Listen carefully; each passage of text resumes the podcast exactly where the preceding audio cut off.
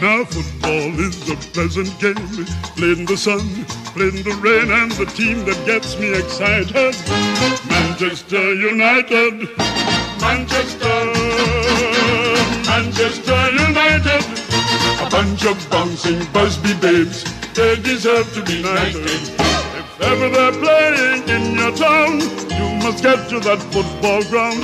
Take a lesson, come to see football taught by Matt Busby and Manchester. Podcast Gibain MU kembali lagi menyapa kalian. Assalamualaikum warahmatullahi wabarakatuh.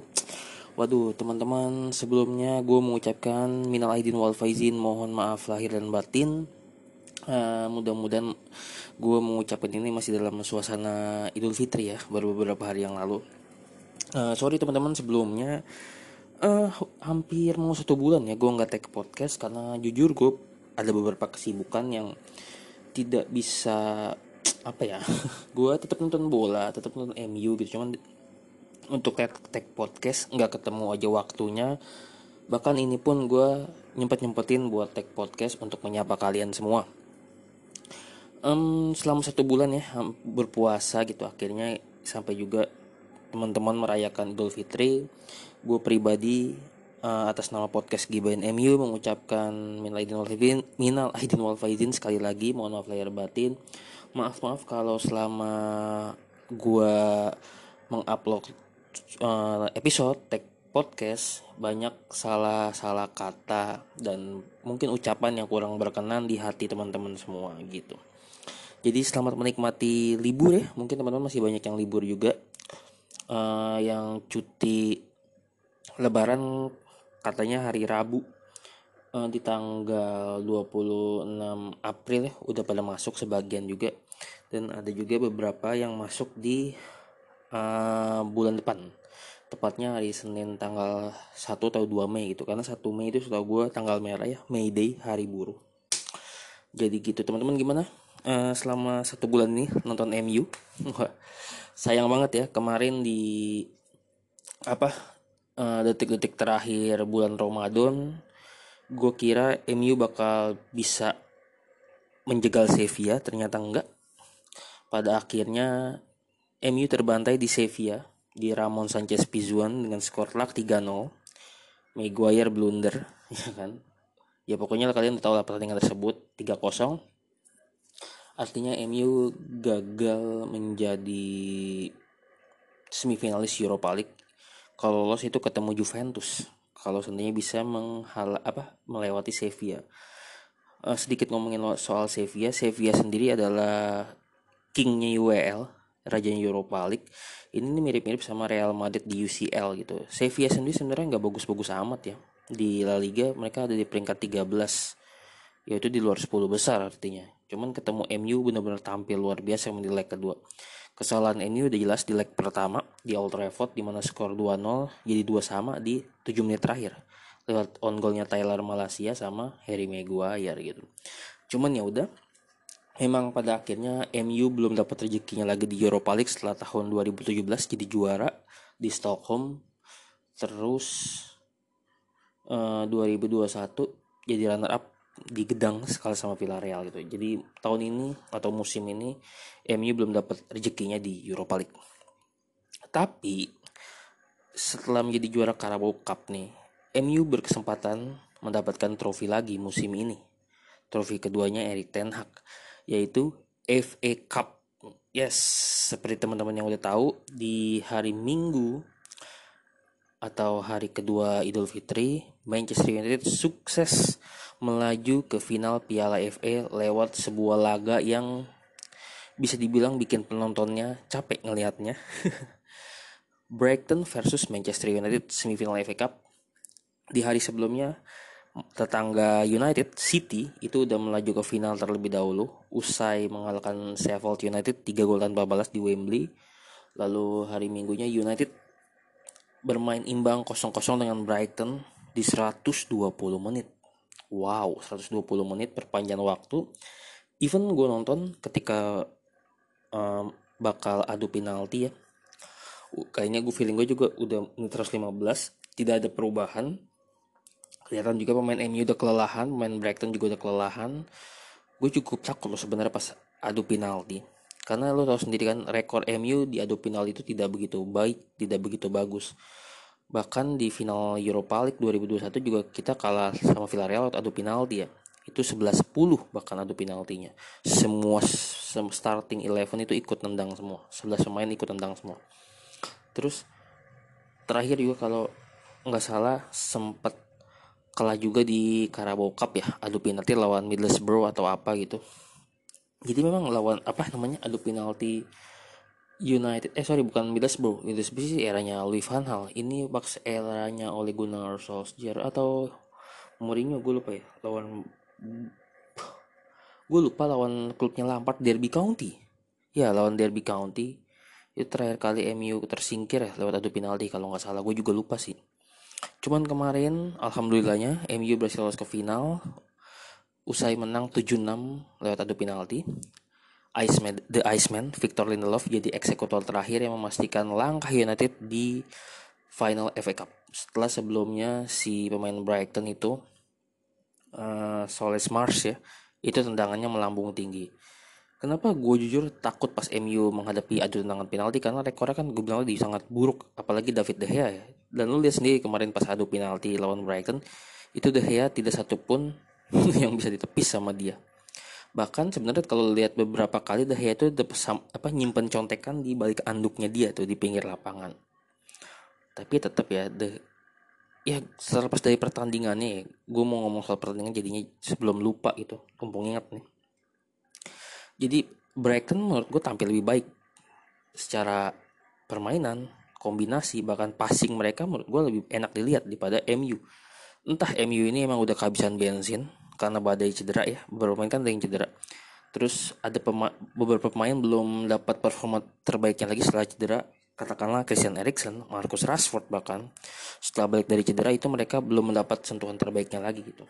Ditambah kelelahan ya lawan Sevilla pulang dari Spanyol terus selang, selang sekitar dua hari berarti ya hitungannya itu langsung main di Wembley lawan Brighton. Sementara Brighton punya waktu istirahat yang cukup banyak ya satu minggu lebih seminggu lah buat Brighton. Dan ya gue akuin secara permainan Brighton lebih baik dibanding MU kemarin. Sementara MU sendiri cuma punya beberapa peluang yang harusnya dikonversi menjadi gol ya. Salah satunya Anthony banyak banget peluang dari Bruno Fernandes bahkan Marcus Rashford ini tapi kipernya Brighton. Dan uh, gue cukup happy banget ya karena berhasil ke final lagi artinya berpeluang mendapatkan trofi kedua musim ini setelah Carabao Cup. Dan itu artinya MU main di Wembley lagi ya kan? Dan bakal bertemu Manchester City. Ini adalah jadi derby Manchester pertama di dalam sejarah di final Piala FA sebelumnya nggak pernah. Dan rekor MU lawan City musim ini bisa dibilang masih berimbang ya. Berimbang secara head to head ya MU dapat satu kemenangan satu kekalahan. MU itu kalah 6-3 di Etihad terus menang 2-1 di Old Trafford ya kan di per, dua pertemuan di Premier League ya. Cuman kalau kita uh, mundur jauh ke belakang dua pertandingan terakhir dari Manchester di Stadion Wembley itu juga berimbang. Artinya MU dapat satu kemenangan dan juga City dapat satu kemenangan. Ya, MU itu dapat kemenangan di Community Shield 2011 ya. Teman-teman masih pada ingat itu pertandingannya live di Global TV di mana itu adalah era barunya City ya mungkin dimulai ya. City berstatus juara FA tuh saat itu. Lawan MU berstatus juara Premier League ketemu di Community Shield. City unggul dua gol terlebih dahulu. Gue lupa lewat golin siapa ya yang jelas Edin Zeko golin. Itu pertandingan resminya pertama eh pertandingan pertama resminya ya, pertandingan resmi pertamanya David De Gea bareng MU langsung kebobolan 2-0 tuh babak pertama. Dan di babak kedua MU comeback lewat golnya Chris Smalling sama dua golnya Luis Nani dan yang epic adalah golnya Nani ya. Gol keduanya Nani itu di menit 90 plus lewat serangan counter serangan balik uh, memanfaatkan blundernya Vincent Company itu mungkin teman-teman pasti pada ingat itu salah satu pertandingan derby Manchester yang dramatis juga. Dan di pertemuan sebelumnya satu lagi yang di Wembley itu semifinal FA Cup 2011 itu MU kalah 1-0 lewat gol tunggal Yaya Toure yang sebenarnya MU di musim tersebut berpeluang besar dapat treble berpeluang besar meraih treble winner lagi ya. karena di Premier League udah mulus sementara di Champions League masuk final ketemu Barcelona. Meskipun saat itu kan hasilnya belum ketahuan cuma di semifinal tersingkir lawan City. Dan di pertandingan tersebut si Paul Scholes dapat kartu merah. Dan di akhir pertandingan juga Scholes sama Balotelli sempat berantem Anderson segala ya. Teman-teman mungkin akan ingat pertandingan tersebut jadi di final FA Cup yang akan berlangsung di bulan Juni ya, tepatnya tanggal 3 Juni, hari Sabtu tanggal 3 Juni 2023 nanti, ini akan jadi derby Manchester pertama di final Piala FA. Well, gue sangat menantikan ini ya. Dan di final apa pun bisa terjadi. Meskipun kalau gue akuin sebagai fans MU secara permainan, secara permainan ya, MU sama City jelas City lebih baik, sangat-sangat lebih baik. Bahkan mungkin orang akan lebih banyak menjagokan City menjadi juara Piala FA musim ini dibanding MU ya. Kalau MU mainnya kayak lawan Brighton kemarin atau kayak seperti lawan Sevilla, ya jelas bakal habis di Wembley nanti. Di final nanti jelas udah pasti bakal habis. Tapi kita nggak pernah tahu di final nanti akan seperti apa. Karena partai final itu tidak pernah bisa kita tebak gitu loh ya. Jadi kita lihat nanti aja. Cuman kalau realitanya secara permainan di beberapa pertandingan terakhir jelas gue pun sebagai fans MU menjagokan City buat jadi juara gitu. Tapi nanti, lihat nanti di final akan seperti apa. Gue berharap MU bisa tampil lebih baik lagi. Dan untuk Lisandro Martinez gue belum tahu ya. Setahu gue yang gue baca-baca si Martinez ini bakal cedera sampai akhir musim ya. Artinya gue nggak tahu apakah dia nanti bisa main di final atau enggak. Ya lihat nanti aja. Sebenarnya mudah-mudahan Rafael Varane juga bisa balik lagi gitu karena cukup beberapa pemain banyak yang cukup eh beberapa pemain MU ini banyak yang cedera juga ya. Yang gue takutin kemarin di pertandingan kemarin bahkan Fernandes sempat ngeluh cedera juga ban pas Fernandes di rawat di pinggir lapangan itu Fred sama Sabitzer udah pemanasan ya. Di awal-awal babak pertama tuh. Itu sih yang gue takutin.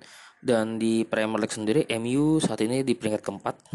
Turun lagi karena Newcastle kemarin menang telak atas Tottenham Hotspur 6-1 jadi MU akan menjamu eh MU akan dijamu Spurs akhir pekan nanti. Sorry, akhir pekan atau tengah pekan ini gue juga lupa. Pokoknya nanti akan bertandang ke London Stadium ya. Jadi kita lihat nanti aja mudah-mudahan MU bisa dapat 3 poin lagi di London Stadium untuk mengamankan tiket Liga Champions musim depan setidaknya mengamankan 4 besar karena peringkat 1 2 sudah pasti milik Arsenal atau City dan peringkat ketiga 4 ini masih bisa diraih MU Newcastle atau bahkan Spurs. Bahkan bawahnya lagi Aston Villa mungkin bisa aja ikut nimbrung ya. Bahkan Liverpool juga mungkin bisa aja gitu. Tapi kita lihat nanti aja gitu. Dan apa ya nambah untuk juara Premier League ini Arsenal lawan City ya. Akan main tengah pekan ini kalau gua nggak salah. Tengah pekan ini atau sama kayak Spurs MU gitu lupa. Arsenal lawan City. City lawan Arsenal sorry. Main di Etihad ini juga salah satu laga penentuan penentuan juara Premier League gitu. Karena City masih punya dua tabungan laga. City baru main 30 kali dan 7 dengan 70 poin. Sementara Arsenal sudah main 32 dengan 75 poin. Artinya kalau City berhasil menang di dua tabungan pertandingannya mereka akan menggeser Arsenal dari puncak klasmen Premier League. Enjoy the moment deh buat fans Arsenal gitu ya. Selamat menikmati tuh. Mamam gitu. Tapi musim ini City sendiri berpeluang dapat treble. Hmm, sementara musim ini City berpeluang besar dapat treble ya.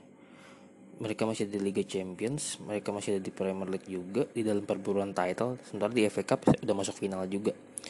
Mereka bisa mengulang prestasinya MU di musim 98-99 cuman ya MU sendiri sebenarnya yang berpeluang untuk menghentikan rekornya disamain sama City karena MU sendiri yang akan menghadapi City di final FA Cup musim ini.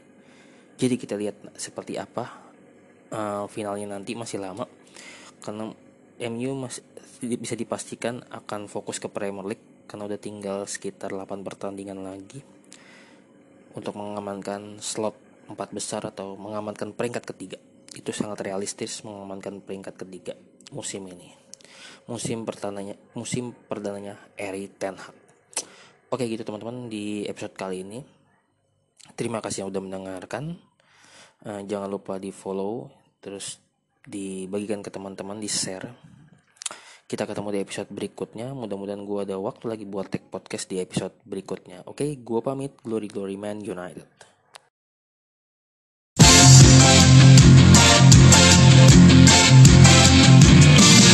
Verknipser an, Bayern